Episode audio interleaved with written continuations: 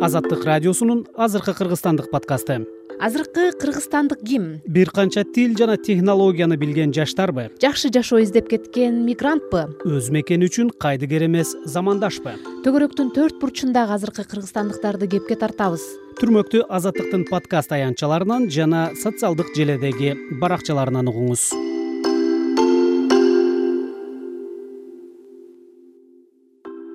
саламатсыздарбы азаттык угармандары азыркы кыргызстандык подкастында биз китеп тууралуу сөз кылабыз. Аны мен айбек абдулдаев алып барам. Тагыраагы мына таш көмүр шаарындагы жаштардын жалпы эле окурман талабына жооп берген коомдук китепкана ачам деп э, элди агартам жаштардын аң сезимин өзгөртөм деген жыйырма тогуз жаштагы чыңгыз урматалиев менен баарлашабыз.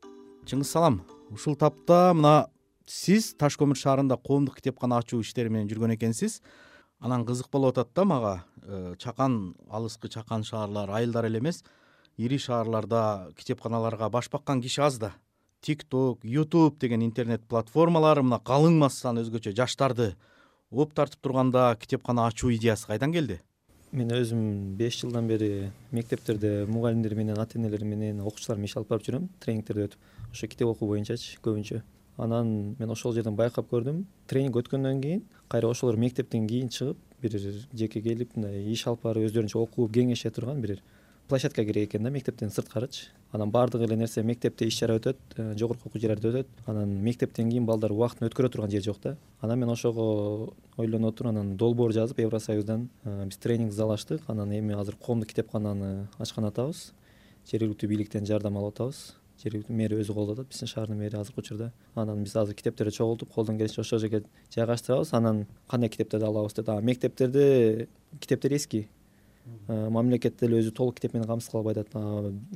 Коомдук китепкана деле мамлекеттик китепканада деле китептер эски. Жана марк энгельстин ленин сталин китептери бүт эле эски китептер. Анан биз азыр дүйнө өзгөрүп атпайбы эме мындай закондор өзгөрүп атат бүт аймактык тартиптер дүйнөлүк тартиптер өзгөрүп атат а биз ошого ылайыкташкан мындай элдин суроонун талабына жараша китеп менен камсыз кылайлы маалымат менен камсыз кылайлы деп биз ошонун үстүндө иш алып баратабыз да. Бир эле тараптуу маалымат кетет анан биз ошол көбүрөөк аудиторияны камсыз кылыш үчүн ар тармакта китептерди чогултуп атабыз. Мындан төрт жыл мурун таш көмүр шаары тууралуу видео баян жасаган элек. Совет мезгилиндеги өндүрүш токтоп айрым курулуштар бүтпөй калганы көп кабаттуу үйлөрдөгү ичүүчү суунун көйгөйү кыскасы толтура маселе бар экенине күбө болгонбуз. Анан жалпы эле ушул кыргызстандагы чакан шаарлардын тагдыры окшош эле да бири бирине абалы жашоо шарты. Бирок ошого карабай шаардын келечегинен үмүт кылып жашап аткан элдин саны учурда кырк миңден ашуунда ондон ашуун орто мектеп бар. Китепкана бар да шаардык китепкана. Борбордо китепканасы бар. Жусуп абдырахманов атында быйыл атын алды. Бирок ал деле типтүү китепкана болуп эсептелбейт себеби ал элүү үчүнчү жылы типтүү китепкана эмес мындай жөнөкөй здание болуп курулган азыркы учурда авариялык состоянияда турат. Э, ал боюнча да биз кайрылуу жолдодук эми жообун күтөбүз кандай жооп алабыз. Таш көмүрдүн өзүндө жүз сексен миңдей китеп бар эме китеп бар да. Ошол китептерди сактай турган жерде шарты да туура келбейт. Азыркы учурда ушул китепканага барган кишилер барбы жокпу? Эмне үчүн бул идея келди сизге? Мен өзүм китепти көп окуган адаммын. Э, кеминде айына жок дегенде төрт миң беш миң сомго чейин китеп сатып алам үйдө үй бүлөбүз менен китеп окуйбуз. Үйдө мындай телевизор деген жаңысы деле эскиси деле жок да бизде жалаң эле китеп колдонобуз постоянно. Анан китепти окуп жүрүп мына финляндия биз өнүккөн мамлекеттерди айтып беребиз да көбүнчөчү мына сингапур кантип өнүгүп атат финляндия кантип өнүгүп атат. Баарына келип такалган билимдүүлүк билимдүүлүккө келип такалат да. Эл билимдүү болуш керек да. Анан ошол жанагы талкаланган э, банкрот болгон ишканасы иштебеген жумуш жок шаарды кантип өнүктүрөбүз дегенде биринчи ошол элдин аң сезимин жогорулатып ошолорго билим берип биринчи билим менен камсыз кылып алып туруп анан кийин биз ошо өнүктүрүүнү ойлонсок анан ошо мамлекетте тынчтык болот ошол аймакта тынчтык болот мындай өнүгүү болот да. Анан биз биринчи мамлекетти куруп алсак анан жана эл билимсиз болсо баардык нерсеге кайдыгер болсо анда ал нерсе өзүнүн жемишин бербейт кийин. А биз ошого биринчи биринчи биринчи элдин аң сезимин жогорулата алайлы деп элге билим берели деп мен ошол багытта иш алып баратам. акы төлөп киришеби сиздин китепкана кудай буйруп ачылып калса азыр биз акы төлөө жөнүндө ойлонбой атабыз. Себеби биз биринчи элди өзүбүзгө тартышыбыз керек. Шарт түзүш керек. шарт түзөбүз. Биринчи элдер келип ошол жерде өзүнүн кенен алып отуруп китеп окуп өзү ошол нерсени талап кылып калганда гана биз ошол нерсеге платный кылып ошол эле кайра китептин фондун өзүнүн ошол жерде нерселер молодечный нерсени каржылаганга жумшайбыз. А бирок азыркы учурда мен өзүм ошол ар жактан жардам сурап атам. Коомдук ишмерлерден мисалы үчүн сиздер да китептер берип атасыздар жардам каттар сиздерге да ыраазычылык билдирем.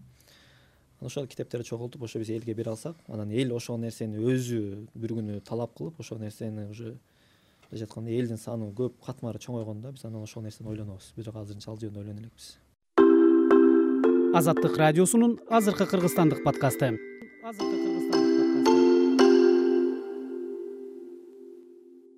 урматтуу угарман сиз азыркы кыргызстандык подкастын угуп жатасыз. Аны мен айбек абдылдаев алып барып жатам.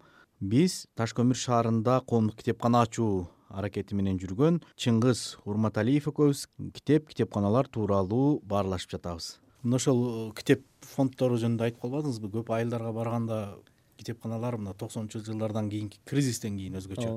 Алдына чакан соода кылган жай болуп эле китептер өзү камалып эле жатып калды да жаңыланбай калды. Бул кыргызстандын туташ айылдарындагы көрүнүш да. Демек сиздер бир чоң өзгөрүү менен ачайын деп аткан экенсиздер китепкананычы. Анан мына борбор калаада бишкекте ушул алык осмонов атындагы китепканада коворкинг борбору деп эксперименталдык кылып ачып көрүштү да. Ал ал билесиз эми ал жөнүндө түшүнүгүң бар. Ал борбордо кишилер эркин жүрө турган вайфай бар кофе иче турган бир өзүнчө кеңсе да бул. Анан кишилер китепканага эмне үчүн келет? Жок дегенде келип эс алыш керек тартылыш керек да. Кантип элестетели сиздин таш көмүрдөгү китепкана кандай болот? Бизде биз биринчи биз аны практический сиз айткан боюнча биз практикалык түрдө алты ай бою сынап көрдүк. Евросоюздан андай нерсе болгон эмес өзү биз евросоюздан грант алып ошол эле бир комнатасын өзүбүз ошол каражатыбызга ремонт кылып биринчи анан стол стул ушуга окшогон шарттарды түздүк жаңы заманбап түрдө. Анан ал жерде азыр калп айтпасам жумасына жок дегенде бир үч жолу иш чара өтүп атат шаардык иш чаралар. Тренинг семинарлар. тренинг семинарлардын баары жок дегенде бир китепти. Талкуулаш үчүн деле чогулса болот да эркек. китеп талкуулаш үчүн шаардык жыйындар өтүп атат башка мугалимдердин жыйындары өткөрүп атат. Мындай жумасына жок дегенде үч жолу биз ошентип э, жаш курактагы балдардын китепканасындагы анан чоң адамдардын китепканасындагы коомчулук келе турган китепкананы да эки конференция зал даярдадык анан биз ошону сынап көргөндөн кийин а биз деле жасасак болот экен деген жыйынтыкка келдик дагы биз азыр ошо биздин китепкана деле мындайча айтканда ошол сиз айткандай келет адам өзүн эркин алып э, китеп окуп кааласа кофе ичип кааласа чай ичип сүйлөшүп отуруп мына ушундай шарт түзгөнгө аракет кылып атабыз. Себеби бул нерсени биздин өзүбүздүн азыркы шаардын мэри келсинбек базаркулович да колдоп атат. Биз ошондой шарт түзүп беребиз деп атат. А бизде жана сиз айткандай мамлекет шаар талкалангандан кийин бизде шаарда жаштар бара турган жер жок. Убактысын кантип өткөрөрүн билишпейт кечке телефон чукулайт. Көчөгө чыгып кааласа мушташат. Ары бери басат. ары бери басат. Мындай өткөрө турган площадка жок. Алар менен кеңеше турган же багыт бере турган аянтча жок да балдар үчүнчү а биз эгерде ошону түзүп алсак анан биз ойлойбуз мындай ал менен ал менен эле токтоп калбайбыз. Биз ошонун аркасында мен аны китепкана китепти деле баарын чогултуп эле мамлекеттик китепканага өткөрүп берип койсом болот негизичи. А бирок ал нерсе ошол бойдон мурунку эле система менен калып кетет. А мен ал системаны өзгөртүш үчүн коомдук китепкананы өзүм жеке кылып ачып анан башка шаарларга дагы мына мынтип иштесеңер болот ушинтип силер деле ачсаңар болот дегендей пример көрсөтөйүн деп атам. Мына ушул китепке келгенде китеп окуу деген маселе бир соңку учурда бир ярлык болуп калды да. Азыркы мундагылар китеп окубайт китеп ачпайт дегенчи. Сиздин идеяны угуп э, башкаларга айтсам анчейин деле кабыл ала беришкен жок да мындай ачыгын айтканда. Кайра эле ушул макулатура болуп китептер ачылбай калбайбы деп ачык айткандар болду. Кантип кызыктырса болот да балдарды шартты. түзүп койсо эле мындай өзү келип калбайт экен да азыр мугалимдер деле айтышып атпайбы кантип сабак жакшы бербейсиң десе бизге биринчи заманбап технологиялар керек дейт. Аны алып берди. Алып берди. Алып берсе деле бирок ал өзгөрбөйт. Анан ал адамдын өзүнүн ар жагынан желаниясы болуш керек өзү каалаш керек. Анан ошол адам ошончолук деңгээлде адамды келген адамды убеждать этиш керек. Мен эмне үчүн китепти окушум керек? Эмне үчүн окушум керек? Ал мага эмне берет ал эмне берет дегенде ошол колундагы сотка менен ошонун кайсы жагы салмактуураак пайдалуураак. Ошонун пайдалуусун далилдей алса ал адам китеп окуйт. Анан эгерде мугалим өзү же болбосо ошол тренер же болбосо мындай ата эне канчалык деңгээлде баалуу экенин далилдей албаса бала китеп окубайт а соткадан көбүрөөк нерсе алып атпайбы бала маалыматтын түрүндө маалыматтын баарын маалыматтын баарын ошол жактан алып атат. А бирок ата эне өзү биринчиден китеп окуш керек. Анан биз мамлекеттен талап кылып анан мугалимден талап кыла берсек да болбойт биринчи ата эне өзү китеп окуса үйдө отурганда телефонду таштап коюп жок дегенде бир эки саат бала ошону көргөнүн кылат демек силердин алдыңарда бир чоң да жумуш бар экен. Ата энелер менен өзүнчө мугалимдер менен өзүнчө иштей турган. Э, ар кимибиз менен өзүнчө иштегенге аракет кылабыз. Себеби биз ар ким менен өзүнчө иштешпесек бир эле мисалы үчүн жаштар менен иштеше берсек может ата энесинен үйдөн э сен китепти эмне кыласың? Сен андан көрө могул жумушту кыл же болбосо россияга бар иште деген нерселер болуп калышы мүмкүн да.